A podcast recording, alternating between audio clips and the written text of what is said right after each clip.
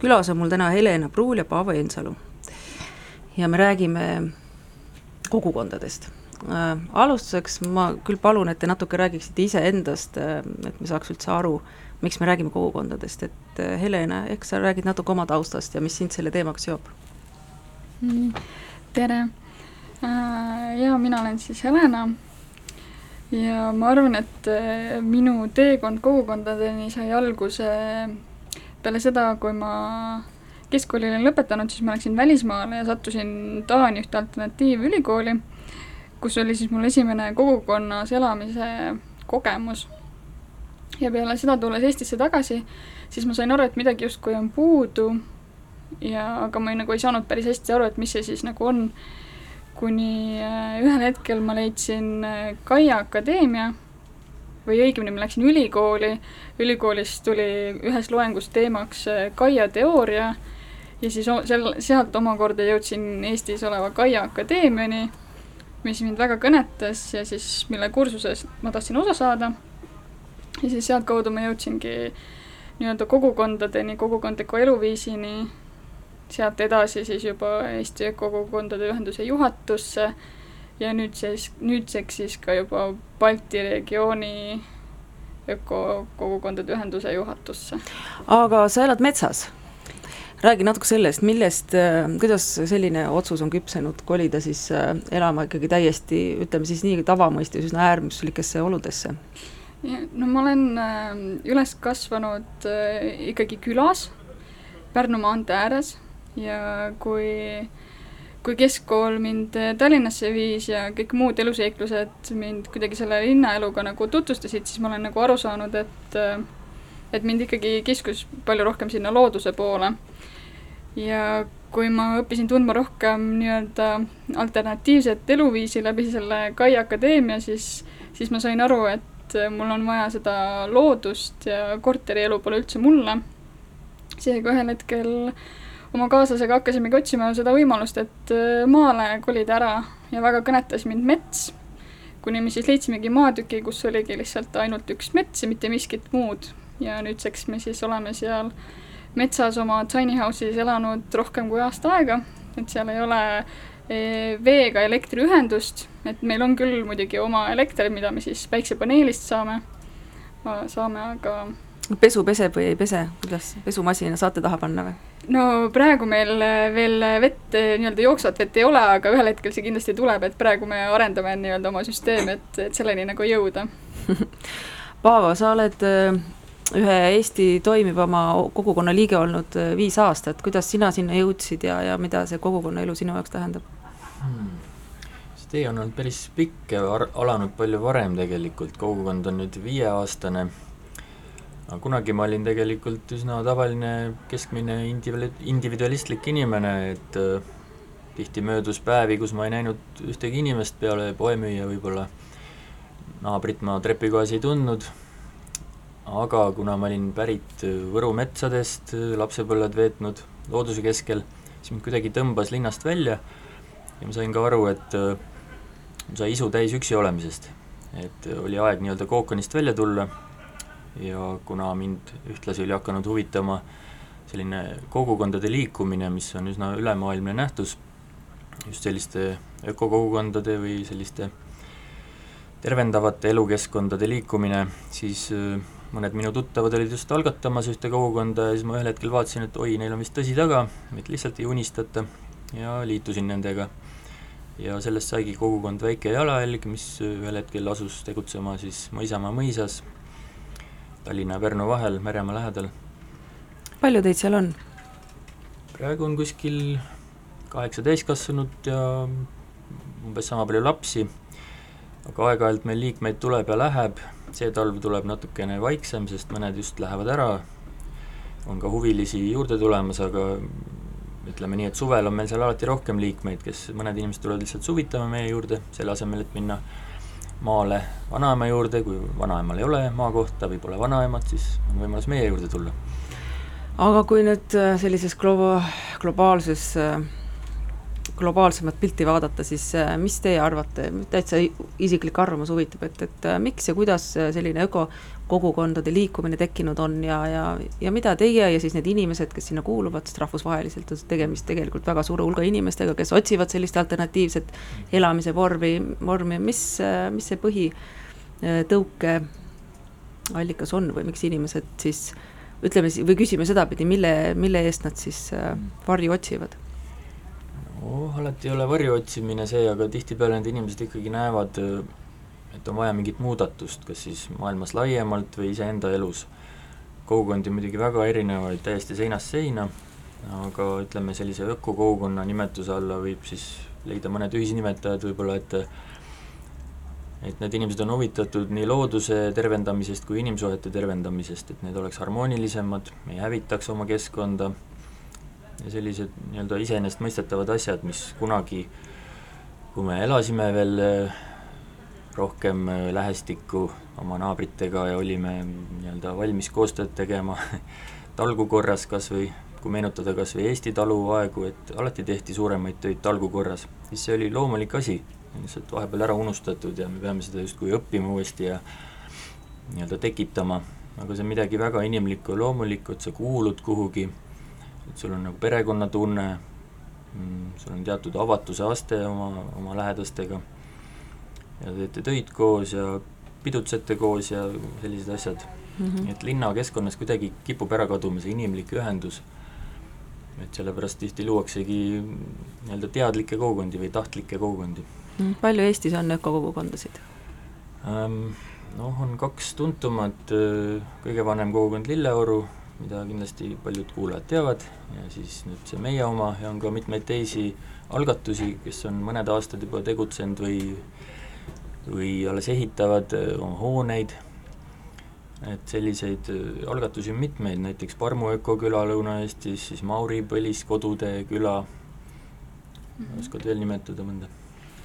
no selles mõttes, et ma arvan, ja linnakogukondasid on ju ka, et, et kas või Lasnamäel äh, on Lasna idee, kus äh, nii-öelda Lasnamäe aktiivsed kodanikud on võtnud kätte ja kutsunud siis äh, kokku kohalikke inimesi, et võtta ühiselt ette erinevaid asju, näiteks nad on loonud äh, linnaaiad et Lasnamäel, kus inimesed saavad kokku tulla ja noh, vähemalt eelmine aasta regulaarselt korraldati iganädalaseid üritusi, kas tehakse lihtsalt grillipidu või kutsutakse keegi rääkima või on mingid raamatuvahetusüritused või või noh, tõesti, et see on, see ei ole ainult äh, nii-öelda metsa ja hipide teema, vaid see on ka linnakogukondades äh, väga oluline, et inimesed nii-öelda tunnevad teineteist, saavad koos toimida ja töötada mm. -hmm. just, ei tahakski üldse linna kuidagi selles mõttes maha teha, et on mitmeid häid algatusi ka linnades, eks ole, Tartu linnaaedade liikumine ja tegelikult kogu ülemaailmne transition town'ide ehk üleminekulinnade liikumine, kus on vist juba minu arust sadu või tuhandeidki linnu liitunud, et kõik need on väga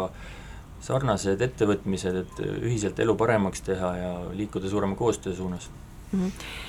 kui palju Euroopas on äh, ökokülasid, lihtsalt et umbes aimata seda proportsiooni, tead, teate seda või, teate te seda või? kindlasti sadu ja kõik üldse ei kuulu sellesse nii-öelda ökokülade võrgustikku nimega Gen Europe ehk äh, Global no, Eco Village Network, et mõned kogukonnad on sellised, kes ei tahagi ennast kuidagi defineerida ja tahavad omaette tegutseda, millest me võib-olla ei teagi palju, aga neid on teada, neid on sadu ja üle maailma tuhandeid mm. -hmm.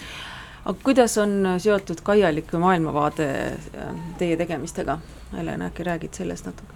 jaa, no kogu see kaialik maailmavaade, mis siis äh, seisnebki neljal aspektil, ehk siis äh, sotsiaalne, majanduslik, maailmavaateline ja majanduslik, et need on keskkond, keskkond. keskkond, jah, vabandust.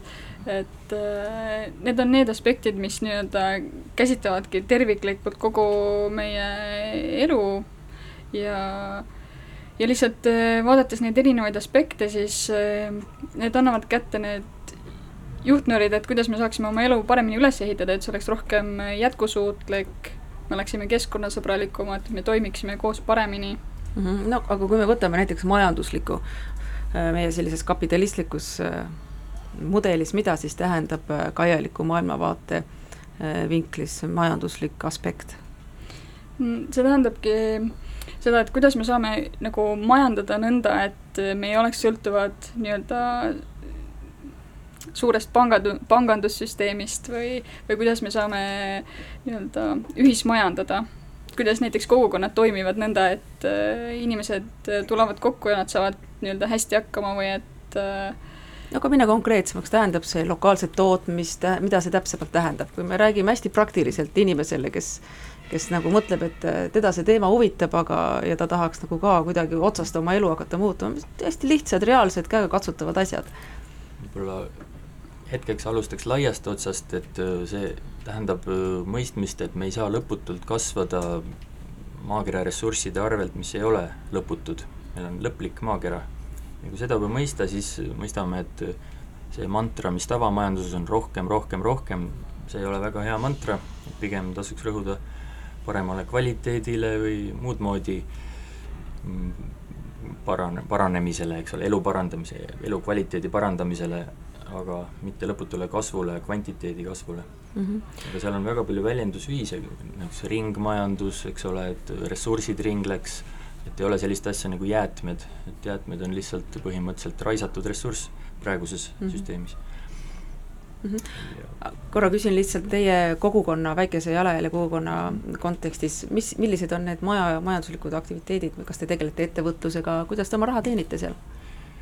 Noh, hetkel ütleks, et see aspekt on meil kõige vähem välja arendatud, et me ikkagi vastutame oma sissetulekute eest kõik iseseisvalt, kõigil on oma erinevad tööd, kes töötab kohapeal, kes käib natuke väljas ka kogukonnast, aga selles mõttes noh, kasvatame oma toitu nii palju, kui jaksame, suve lõpus on päris hea saak laual, talvel vähem, aga teeme ka sisse igast hoidiseid ühiselt, õunapuuaed on meil suur ja muud marjad, värgid oma põldu teeme, kolmkümmend hektarit põldu ja mm. noh, ostame toitu ühiselt, näiteks see on ka suur asi, et me sööme ühiselt igapäevaselt, see toob kogukonda kokku, on teatud nagu liim, ja ostame võimalikult puhast, ökoloogilist, võimalikult kohalikku toitu, et siis oleks ka kvaliteetne kraam mm. -hmm. aga räägime natuke sellest keskkonna aspektist mm, -hmm. et ähm, mida see siis nagu sellises ökokogukonna võtmes tähendab, et, et, et seda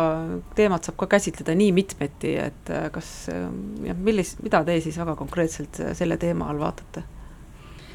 no keskkonna all ongi kõik, mis on seotud siis äh, ikkagi keskkonnaga, et äh, olgu see siis toit või noh, esiteks, mis on see muld, kust meie toit tuleb, mis on see toit, kuidas see on kasvatatud mis põhimõtetel, aga ka see, mis meid nagu füüsiliselt ümbritseb, meie majad, need looduslikud ehitusmaterjalid.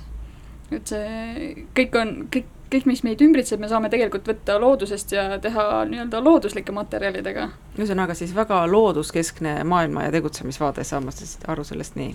jah, aga samas ka nagu jätkusuutlik, et, et ei oleks nagu ikkagi seda, et me nüüd ainult äh, hakkame nii-öelda puiduga ehitama või mis iganes, et aga ongi vastavalt äh, sellele, et mis on kohalikul tasandil või nagu kättesaadav, et äh, kas siis lokaalsus on teie jaoks hästi oluline märksõna? jah, üks aspekt on see, et me ei pea kõiki tooteid transportima teiselt poolt maakera kohale, kui on võimalik ka näiteks oma krundilt leida kas või ehitusmaterjali, eks ole. meie näitel küll, meil olid seal krundil olemasolevad majad, mis antud juhul oli ka äh, säästlik variant, et me saime kohe sisse kolida, me ei pidanud hakkama nullist uusi maju ehitama, mis on alati ikkagi teatud ressursse kulutav tegevus. aga tulevikus, kui me peaks kasvama ja on vaja uusi maju ehitada, siis me kindlasti kaalume võimalikult looduslähedasi ehitusviise, et et see teadmine ja oskused on kõik Eestis olemas tegelikult mm. -hmm. võiksid sa tuua mõned näited, milline, millised on siis looduslähedased ehitusviisid? mina võin äh, väga konkreetselt ja enda, enda nagu näite tuua, et nüüd, kus ma elan äh, metsas, et äh, otsustasime, et tahame nii-öelda omale saunamaja, me tahame seda võimalikult äh, looduslähedaselt ehitada ja teha, see tähendas seda, et nüüd eelmisel talvel, kus meil oli hea lumine talv, me saime oma palgid võetud. ja rõhutan just seda, et talvel ju õigeaegselt Eesti vanade traditsioonide kohaselt võetud äh, puud, et need võtsime, koorisime, noh, langetasime, koorisime, et need tulevad meil nii-öelda karkassiks nüüd mõni nädal tagasi sain teada, et äh, naabrimehest äh, põllumees nii-öelda võttis põhku, me saame seinad oma põhust, et äh, ja savi on meil ka nii-öelda kohalikult Eesti, nii-öelda Eesti loodusehitajatelt saadud, et kõik on kohalikul tasandil, et me saame täitsa oma maja ilma kemikaalideta üles ehitatud mm. -hmm. suurepärane näide. aga ma tean, et äh, on tulemas üks äh, kursus, millest me ka enne rääkisime natukene, paari sõnaga võib-olla sellest, et äh, et miks, miks te korraldate seda kursust, millest sa nüüd kohe natuke räägid ja, ja mida, mis on need teemad, mida te seal käsitlete mm? -hmm. kellele see ka mõeldud on, et, et mida see inimene sealt saab? et Kaia Akadeemiaga on siis, me korraldamas ja meil on tulemas EDE kursus, mis siis inglise keel, tuleb ingliskeelsest nii-öelda Ecovillage, nimest, et Ecovillage Design Education, mis põhineb Kaia haridusel, mis on nii-öelda rahvusvaheliselt tuntud ja eesti keeles oleks siis terviklike eluviiside alus. ja see on, tuleb rahvusvaheline kuuajaline kursus, mis me praegusel hetkel küll esmakordselt nagu rahvusvahelises kontekstis korraldame, aga see ongi meie mõte selle taga on see, et tuua kätte need oskused, need teadmised, et kuidas nii-öelda kõik need äh, kogukondlikud ja looduslähedased aspektid ja teooriad ja praktikad tuua inimesteni. kuidas iga inimene saab äh, ise võtta ette oma elu muuta ja teha asju nii-öelda maailmavaatelisest aspektist nagu paremini, loodushoidlikult ja jätkusuutlikumalt mm. -hmm. see on nii selliste loodust hoidvate projektide algatajatele mõeldud kui ka lihtsalt inimestele, kes soovivad oma elu muuta loodussõbralikumaks, et et varem oleme seda kursust teinud Kaia Akadeemia raames äh, aastapikkusena, nii et äh, umbes iga kuu on üks nädalavahetus, aga seekord tehakse seda kuu aega järjest. ja see on tihtipeale olnud inimestele elu muutva toimega kursus pressite ühesõnaga hulga inimesi kuuks ajaks oma kogukonda, mis tähendab seda, et nad elavad sedasama rütmi, mis te igapäevaselt elate. jah, see on ühtlasi ja. väike nii-öelda kogukond kogukonnas, selline, et saad katsetada kuu aega, mis tunne on elada kogukonnas kõiki neid protsesse, mis hakkavad gruppides toimuma ja, ja seda naudingut, mis toimub, kui inimesed naudivad koos olemist. kas see on alati nauditav või ma mõtlen, kuu aega elada äh, võib-olla siis äh, see ongi see transformatsioon, mis hakkab toimuma, et äh, sul, sa oled viidud nii ühest äärmusest teise, et sul on muidugi on need stressiolukordi, aga sul on ka seda meeletut ülendavat tunnet, kui sa tunned, et sa oled terve grupi poolt aktsepteeritud ja hoitud et see ilmselgelt saab olema suur muutus, seal kindlasti on oma stressihetked, aga oma rõõmuhetked ja sellepärast ongi selline väga elumuutev kursus no,. sa õpid iseennast rohkem tundma. piisavalt pikka aega, kuulame natuke muusikat vahepeal ka.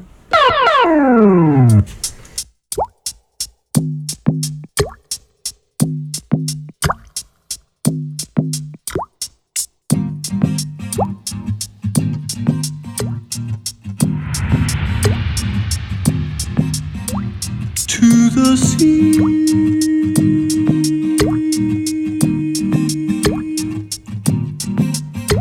To the end of the road. Could it be?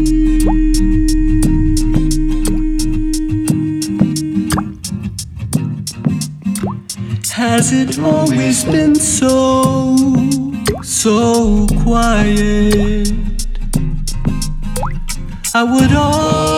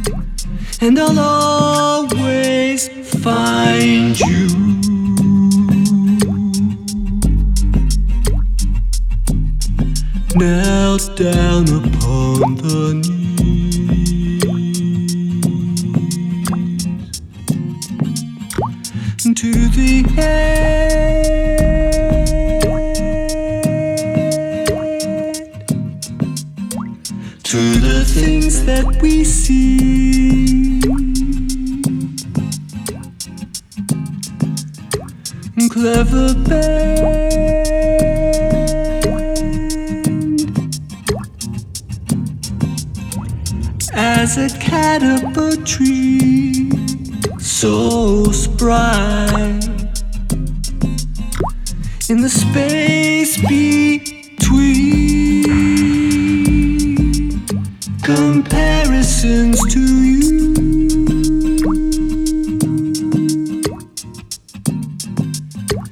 To the edge of a cliff.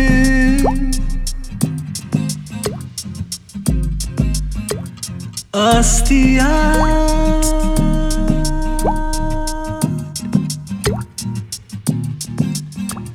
Us the frustrated crowd, so vile. Let it all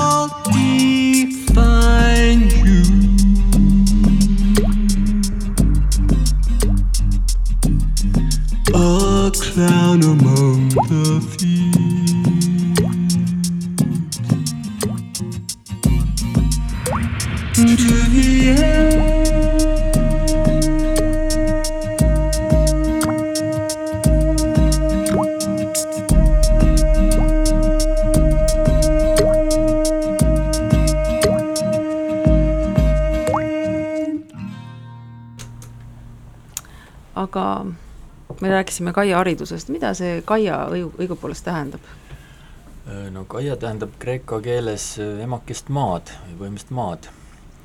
ja see Kaia mm, haridus põhimõtteliselt äh, laias laastus põhineb äh, Kaia teoorial, mis siis um, sai alguse ühelt teadlaselt nimega James Lovelock, keda kunagi NASA palkas uurima, et, et mis planeedile me võiks nagu järgmisena minna vallutama, et kas äh, Marss või Veenus või midagi sellist. Ja siis selleks teadlane vaatas nagu justkui kosmosest meie enda planeeti, et, et mis üldsegi iseloomustab ühte elu toetavat planeeti ja siis ta nagu kuidagi avastas, tuli, tuli sellisele loogilisele järeldusele, et planeet on nagu üks elus organism, kus iga, iga komponent siis panustab, et seda tervikut elus hoida. selline terviklik biosfäär. ja alguses muidugi ülejäänud teadlased naeruvääristasid seda teooriat, et mis mõttes, et et noh, et see ei olnud väga kohe, koheselt vastu võetud teooria, aga nüüd on järk-järgult see täiesti niimoodi aktsepteeritud sellise toimiva teooriana järjest rohkem. kuigi kui vaadata majandus, levinud majandussüsteemi, siis see veel seda ei tunnista kus planeeti vaadeldakse lihtsalt kui sellist ressursside allikat, mida võib lõputult ära kasutada. aga siis sellele teadlasele Lovelockile siis ükskord üks teine autor ütles, et aga see teooria on juba ammu olemas, et see on Gaia teooria, sellest vanad kreeklased ja kõik on juba rääkinud, loodusrahvad on ka rääkinud, et emake maa on ju elus ja terviklik organism, et see ei ole midagi uut ja sealt tuligi see nimi siis, see Gaia sinna juurde. et lühidalt siis sellel põhineb ka terve see Gaia haridus, mis käsitleb kogu planeeti kui elus organismi või ühte tervikut vähemalt, kus on tõesti vajalik, et kõik indiviidid elaksid hästi selleks, et tervik oleks elus, et meil oleks õhku hingata, mulda, vett, kõiki neid asju, mida on eluks vaja mm. -hmm. kuidas me jõuame siis sellisesse kohta, et aastal kaks tuhat üheksateist ei tundu see elu sugugi nii olevat, kui vaadata ümbritsevat, et on teil mingisugune kuldvits või mingisugune silmi avav teadmine, kuidas me sellise arusaamise või teadmiseni inimkonnana jõuaksime? Tuleb kasutada iga võimalikku meetodit, et et sinna kuidagi see hüpe teha inimkonnana, sest kui vaadata tulevikust meie, ütleme, lastelaste pilguga seda praegust elu, siis kui mõelda, et mida need lapse, lapselapsed meile ütleks või küsiksid tulevikust, et kas te võtsite midagi ette, et, et päästa, mis päästa annab. et oli ju teada kogu see info juba kuuekümnendatest, kuidas liigid surevad välja, kuidas toimub mürgitamine, kuidas plastik kuhjub igale poole, prügi kuhjub, et see on ju teil teada, et lihtsalt tuleb praegu kasutada iga võimalikku viisi, mida me oskame ja teame, et siis midagi paremaks teha, kellel vähegi huvi on, ütleme nii rääkisime neljast aspektist, et kahest me pisut juba rääkisime. üks aspekt nendest neljast on maailmavaateline, mida see siis sügavamalt tähendab? Sinna alla käibki see nii-öelda Gaia põhine maailmapilt, aga samal, samal ajal tegeleb see päris palju ka inimese sisemaailmaga. ja, ja inimestevaheliste suhetega, see muidugi läheb ka sotsiaalsesse aspekti otsaga, aga aga kogu selline maailmavaade, et et elu on nagu holograafiline, et et me oleme enda sees üks tervik, kus kõik komponendid võiks koostööd teha, et inimene oleks terve, samamoodi nagu ma rääkisin, planeet on üks tervik, samas ka osa universumist ja kõiksusest, ja et universumis on mingisugune kõrgem intelligentsus, mis elu loob, et kõik see, selline maailmapilt, mis on selline nii-öelda aktiivsele loomisele üles ehitatud. Mm mina arvan, et see just sellest maailmavaatelisest aspektist, et et see tegelikult on see ju see, et kes me oleme ja kust me tuleme. et me jõuame noh, tulles, kuhu me lähme, et see tul-, tulles tagasi nagu kohalikule tasandile, et just siin Eesti kontekstis, et me puudutame just seda pärimuslikkuse teemat, et äh, miks me nii-öelda oleme, meie kui eestlased varasemalt oleme käinud hiites äh, kummardanud äh, hiiepuid, kive, et, et mis see meie jaoks tähendab, et äh, kust see kõik tuleb mm. -hmm. Just, et luua ja taastada seda ühendust loodusega, mis meil on kippunud ära kaduma, aga mis vanasti oli inimestel vägagi olemas Mhm. ma kuulan teie juttu ja, ja mõtlen, et, et see on selles mõttes huvitav, et äh, tegelikult see kajalik maailmavaade on ju väga globaalne, et, et me vaatame siis planeeti kui tervikut, kui elus organismi, noh, tõesti, ega teisest küljest kõik sellised äh, igapäevased äh, tegevused või need äh, asjakesed, mis te välja toote, on jälle hästi globa- või lokaalsed, et selline küll nagu globaalne mõtle, mõtlemisviis, aga väga lokaalne tegutsemisviis, et kas äh, see on siis midagi, mida, mida sealt ka võib välja noppida või? jah, seda tavaliselt soovitataksegi, et globaalne visioon, aga lokaalne lahendus või lokaalse, lokaalne tegutsemine, jah meil on palju, mis me saame nagu õppida teiselt äh, rahvastelt, et äh, igaüks nagu on kuskile maale nagu arenenud, aga ja kas või näiteks tuues välja selle, et äh, et meil on see globaalne ökokülade võrgustik, et eh, me erinevad, elame erinevates nagu maailma otstes, meil on erinevad praktikad, noh, olgu see siis näiteks eh, keskkondlik praktika või erinev muld ja keskkond, kuidas nagu kasvatada, aga me saame need põhilised õpetussõnad nagu noh, jagada, see on nagu näiteks see, et eh, globaalselt, et me, meil on sama maailmavaade, me teeme, teeme mingeid asju praktikas ja siis lihtsalt kuidagi regenereerida ja tuua see nii-öelda lokaalseks mm. -hmm. no kuidas teie Eesti kontekstis näete näete üldse sellist ähm, sõltumatust ülejäänud äh, maailmas, ma arvan, et see on vägagi aktuaalne teema juba pikemat aega, eriti siis olukorras, kus kogu tootmine on meil tegelikult ju Euroopastki välja viidud, ma arvan, et väga, ma ei, ma protsentuaalselt ei oska, ei oska öelda, aga noh, ma arvan, et ligi kaheksakümmend protsenti, kui mitte rohkem, me tegelikult ju kogu oma tarbitava kauba toome sisse, et äh, kas meil on siin mingi võimalus, mida teie näete, kuidas, kuidas siis kogu selline igapäevaelu ja mitte ainult, ainult niisugune, mis siis ühel inimesel oma ellujäämiseks vajalik on, vaid nagu natuke laiemalt oleks võimalik äh, muuta sõltumatuks? ega siin päevapealt ei saagi hüpata kuskile nii-öelda koopaaegsesse ellu, et me ajame loomi taga ja teeme lõkke peal tuld, et et mulle väga meeldivad need sinimajanduse põhimõtted, kus, mis on nii-öelda edasiliikumine rohemajandusest, mis kipub olema tihtipeale nagu rikaste inimeste pärusmaa, aga sinimajanduse põhimõte on üks see, et kasuta seda, mis on kohalikult olemas ja et just niisugused põhivajadused ära rahuldada, et kui, kui liikuda kas või järk-järgult sinna suunas, et inimeste põhivajadused oleks rahuldatud kohalikest vahenditest, siis see nagu võtab palju sellist stressi ja survet maha, et me peaks globaalset kaubandusvõrgustikku kogu aeg nagu üleval pidama. et ega see päevapealt ära ei kao, aga ma ütleks ausalt, et see on üsna habras süsteem tegelikult praegu, mis on üles ehitatud, piisab ühest elektrikatkestusest, mis kestab mõned nädalad. Oleme üsna, üsna käpuli ja tagasi kiviajas, et selleks tuleks võib-olla valmistuda niimoodi mõistlikult, et luua rohkem selliseid jätkusuutlikke kohalikke süsteeme, kas või energia tasandil, toidu kasvatamist, niisuguseid elementaarseid asju. kas või õnneks meil on isegi nõukogude ajas see pärand, et paljudel on oma aiad, kus nad kasvatavad kas või tomatit, see on nii hea oskus mis näiteks äh, nii-öelda arenenud maades on tihti ära unustatud, et kuidas ise kasvatada ühte tomatit mm. -hmm. Te, kui me tuleme korra tagasi selle keskkonna aspekti juurde, siis äh, teile tuleb külla ka üks äh, rahvusvaheliselt tunnustatud permakultuuri õpetaja Albert Veits, ähm, kes on tulemas äh, USA-st äh, ökokülast nimega Farm, mis on üks äh, esimesi ökokülasid, mis, mis loodud on maailmas, väga huvitava taustaga ja väga huvitava ajalooga. mida Albert räägib, mida ta õpetab ja, ja kuidas, kuidas te temani jõudsite ähm,? Albert äh, on ka siis tegelikult lausa üks selle globaalse Euroopa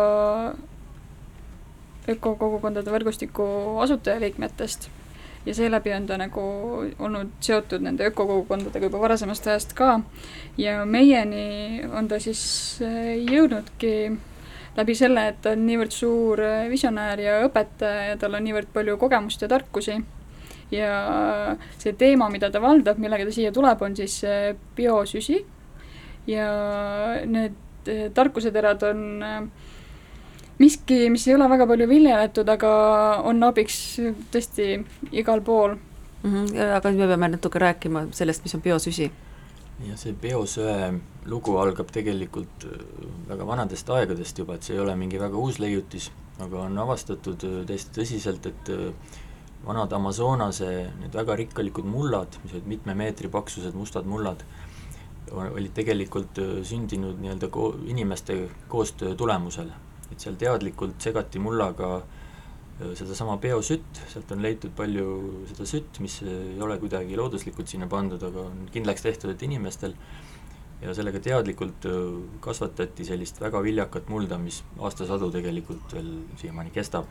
ja sellest on nüüd tulnud terve uus teadusharu või liikumine, kes ka siis promob seda biosütt, mis on teatud kindlal meetodil vinnutamise teel siis põletatud puidust tehtud süsi, mille nõks on siis selles, et seal on väga suur sisepindala, kuhu mahub hästi palju mulla tekitajaid, baktereid ja pisi, pisielukaid, mis siis loovadki viljakat mulda mm. -hmm. no kuidas, kas äh, ma saan ka kodus seda biosütt valmistada või?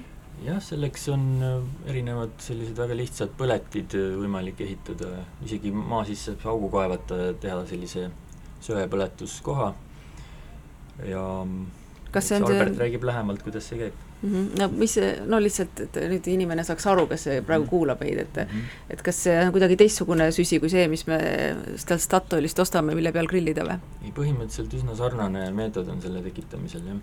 see ei ole küll see päris tavaline ahjusüsi, mis meil ahjudest üle jääb, aga aga, aga isegi seda saab kasutada, kui sealt tuhka eemaldada. põhimõtteliselt äh, seesama süsi, mis, äh, mis põlemisel ei tuhastu, vaid jääb selleks mustaks, ongi siis seesama kristall, kristallne süsi, mida, mida on võimalik rikastada ja jah ja, lisaks on seal see pluss, et äh, saab süsinikku tagasi viia keskkonnast siis mulda, mis jääb sinna pikaks mm -hmm. ajaks nii-öelda salvestub mm -hmm. ja tast on siis, nagu ma ütlesin, see kasu mulla loomisel mm. -hmm. aga mis on permakultuur?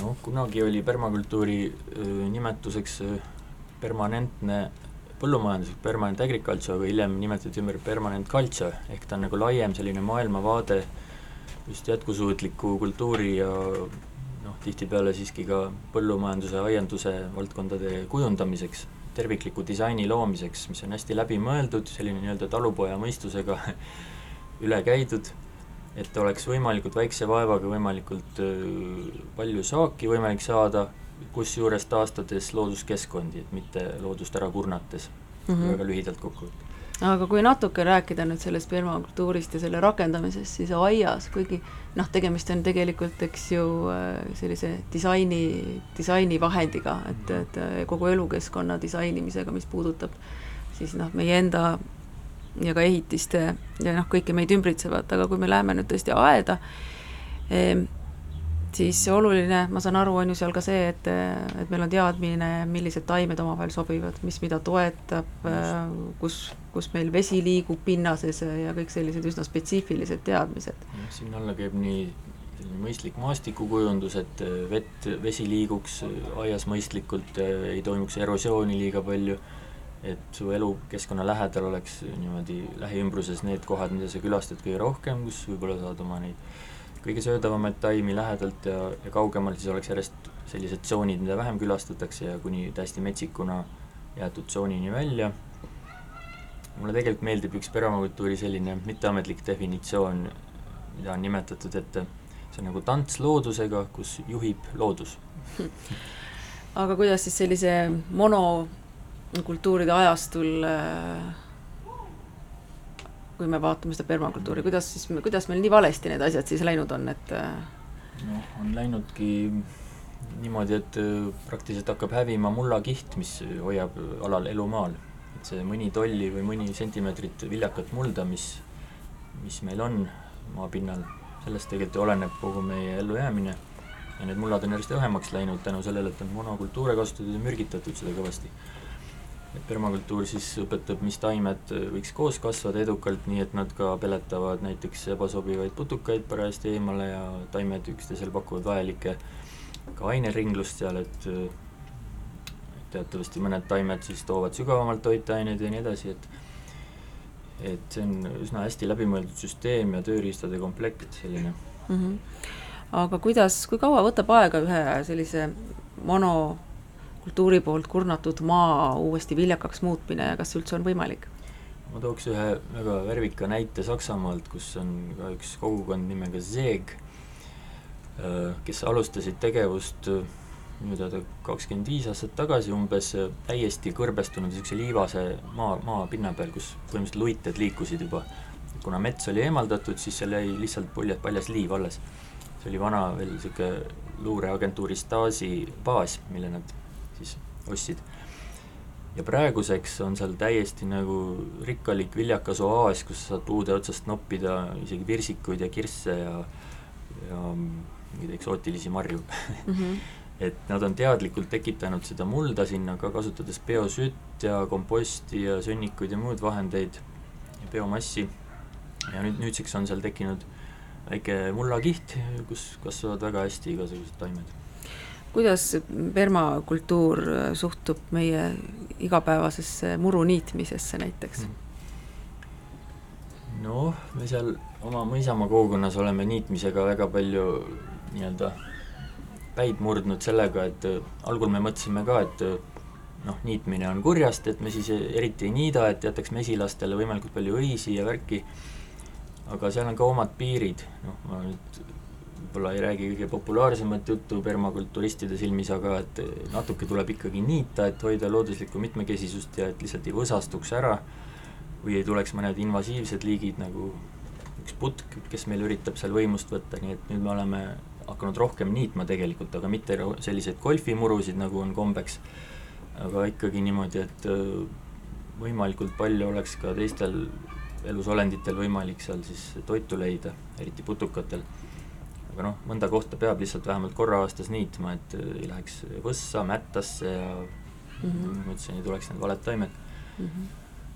aga selline iga kahe nädala tagant niidukiga mm -hmm. üle muru jooksmine, kuidas, kuidas see suhtum-, suhtumine sellesse on?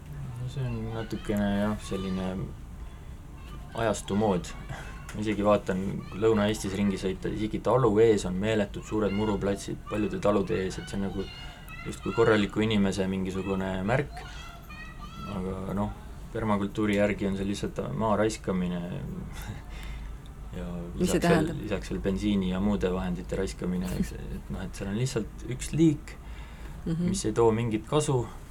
Peale silmailu siis teatud no, maitse kohaselt, jah, sõltub maitsest et selles mõttes palju asjalikum maakasutus oleks panna sinna erinevaid liike kokku, mis ka tooks kasu siis kas inimesele või loodusele, et annaks näiteks midagi söödavat mm. -hmm. kuulame Natsi Mussi ka.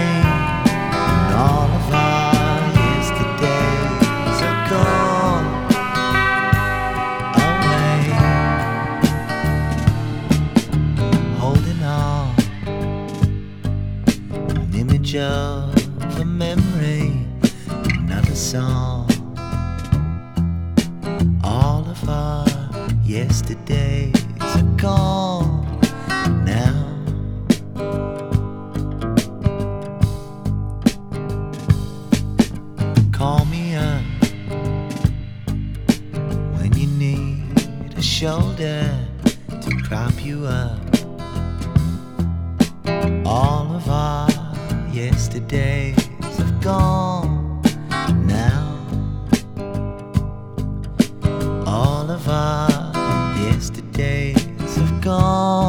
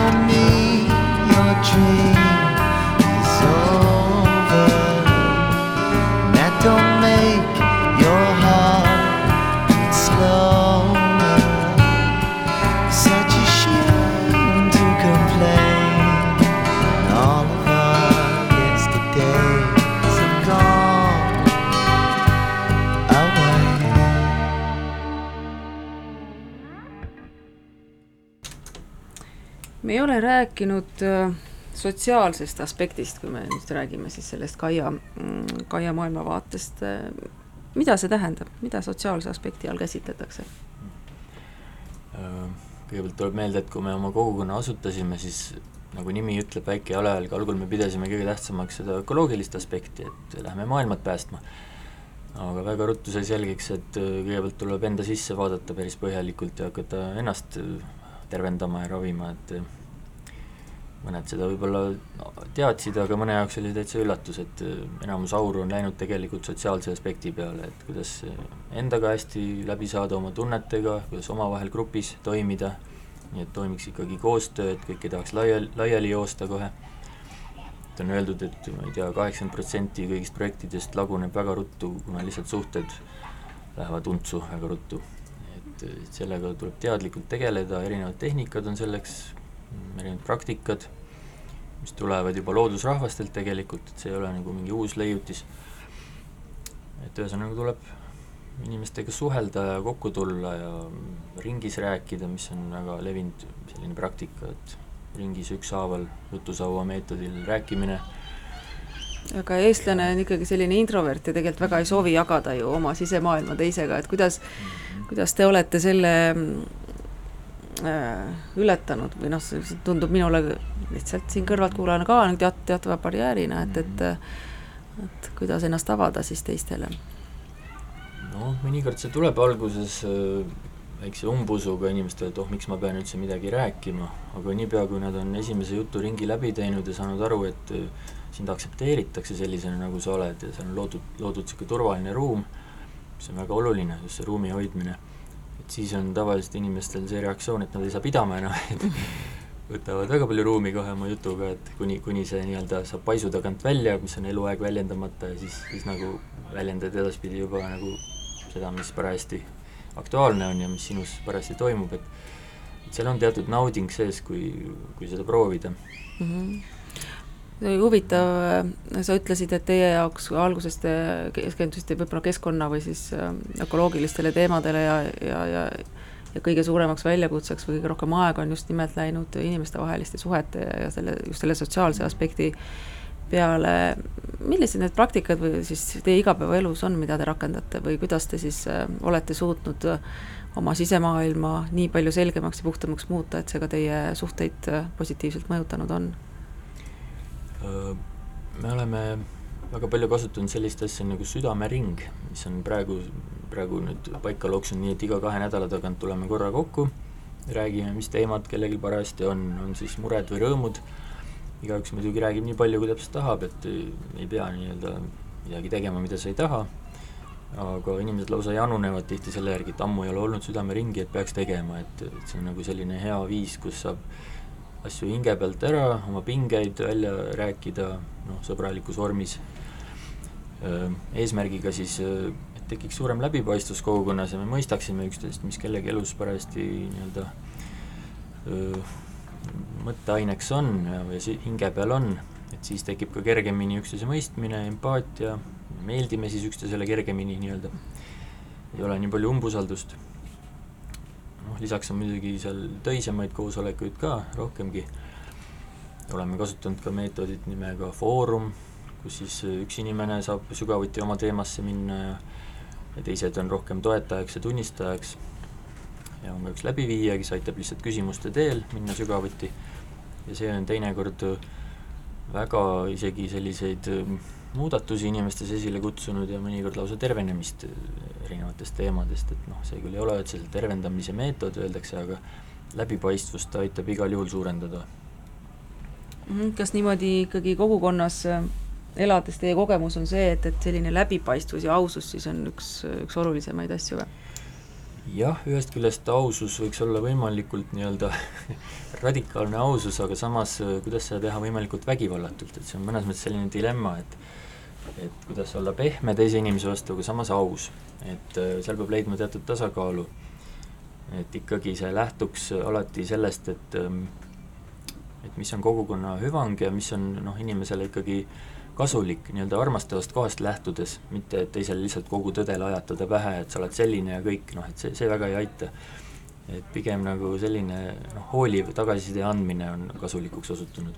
Mm, aga kui ikkagi suuremat sorti tüli tekib kahe inimese vahel kogukonnas, kas äh, teil sellist kogemust ka, et, et suisa siis ei leiagi aset leppimine või mis siis, kui ikkagi emotsioon nii üle keeb, et, et inimesed ise enam lahendust ei näe, kuidas siis lahendada seda olukorda? jah, on väga erinevaid juhtumeid olnud ja ka pikaajalisi konflikte ja mõnikord aitab isegi see, kui nagu ei anna sellele mõnda aega energiat, et inimesed saavad iseendasse vaadata rahulikult ja näiteks otsida ka väljastpoolt abi, sest tihti on kogukonnas tulevad esile väga sügavad teemad, nii-öelda baashaavad, see on väga tähtis teema kogukonnas, et inimesed vaataks iseenda traumadele ja teemadele otsa, sest meil kõigil on neid, keegi pole kasvanud üles täiuslikult armastavas keskkonnas ja perekonnas, et noh, keegi ei õpeta ju, kuidas olla hea lapsevanem või kuidas kool võiks olla, eks ole, toetamas inimese maksimumpotentsiaali, et meie kool on tihti olnud hoopis vastupidi, kasutanud seal häbistamist ja sildistamist ja noh, kas või hinnetega pannakse meid lahtritesse päris, päris vägivaldselt. aga see on juba eraldi teema, et ühesõnaga meil kõigil on sisemisi traumasid, mis vajavad tegelemist ja, ja mõnikord on liiga valus nendega niimoodi näost näkku kellegagi nii-öelda kohe minna lahendama, mõnikord on vaja aega ja mõnikord ei ole ka muud lahendust kui eraldumine. et kui ei saa kohe kõike lahendada mm. -hmm mis on ju ka täiesti see on ka täiesti okei okay,, aga, aga ma ütlen, et alati, kui inimesel on soov endasse vaadata ja teatud samme astuda ja, ja lahenduse poole liikuda, siis on võimalik lahendada kõik konfliktid, ma usun mm. -hmm. mõnikord on see liiga valus, siis tuleb anda aega mm. -hmm. sa enne rääkisid ka veidikene tähistamisest, et ähm, teie jaoks on oluline siis ka õnnestumisi meeles pidada, et, et võib-olla meie sellises eh, edumaailmas on see ka oluline, mis, mille me tihtipeale kipume ära unustama, et kuidas teie seda teete? jah, isegi mitte ainult õnnestumisi, aga lihtsalt tähistamist kui sellist äh, peaks rohkem väärtustama, et me just eelmine talv võtsime üles sellised asjad nagu kuupeod, et iga kuu teha üks mõnus pidu, ma ei tea, mis kuulajatel peoga seostub, aga igal juhul meil on see selline väga mitmekesine, et seal on hea söök tavaliselt, lapsed on kaasatud organiseerimisse, see on väga lapsi ühendanud just täiskasvanutega siis on Vaba Lava, igaüks saab esineda ja see on järjest populaarsemaks läinud, väga erinevate asjadega astutakse üles alkoholi meil väga ei praktiseerita, oleme isegi kokku leppinud, et avalikes ruumides me alkoholi ei tarbi, oma kodus võib igaüks teha, mis tahab, kui ta teisi ei häiri just mm. -hmm. aga peod on sellised väga väga värvikad meil, ütleme, oleme isegi teinud äh, mingeid teemapidusid, kus on kostüümid et väga naljakas on. et lihtsalt tähistamist kui sellist nagu oleks rohkem elus, et kus me saame oma tavapärastest rollidest välja astuda, ei ole kogu aeg töö ja töö ja töö, kuna tööd jätkub alati rohkem, kui jõuad teha, aga et oleks nagu lõbusam ka, see aitab patareisid laadida ja inimestevahelisi ühendusi jällegi taastada. jah, ma arvan, et nagu nii-öelda meie Kaia ringkonnas on tõesti see tähistamine saanud nagu mingil määral äh, nagu sisse harjutatud, et, et kas või just äh, eile näide sellest, et kuidas äh, et noh, üks Toomas, eks ju, sai ülikoolist eksmati ja selle puhul korraldas Kadrioru pargis eks Mati peo või pikniku, et kõik, kes olid huvitatud, said tulla ja jagada ja olla, et, et see ei ole absoluutselt mingisugune elusituatsioon, mida peaks äh, põdema või mille, mille pärast nagu muret tunda, vaid see lihtsalt näitabki sul elus nagu kätte selle, et ähm, järelikult on mingid teised teed või teised missioonid nagu vaja ette võtta. ja teine tähtis asi, mis tavaliselt ei ole väga levinud meie projektipõhises maailmas, et unistada rohkem et me täiesti teadlikult teinekord teeme ka unistamise ringe või kogunemisi, kus me paneme kirja või joonistame üles või isegi oleme pilte lõiganud ajakirjadest, et teadlikult luua tulevikku. ja see on isegi teaduslikult uuritud, et kes paneb kirja oma unistused, need tõenäoliselt saavad teoks.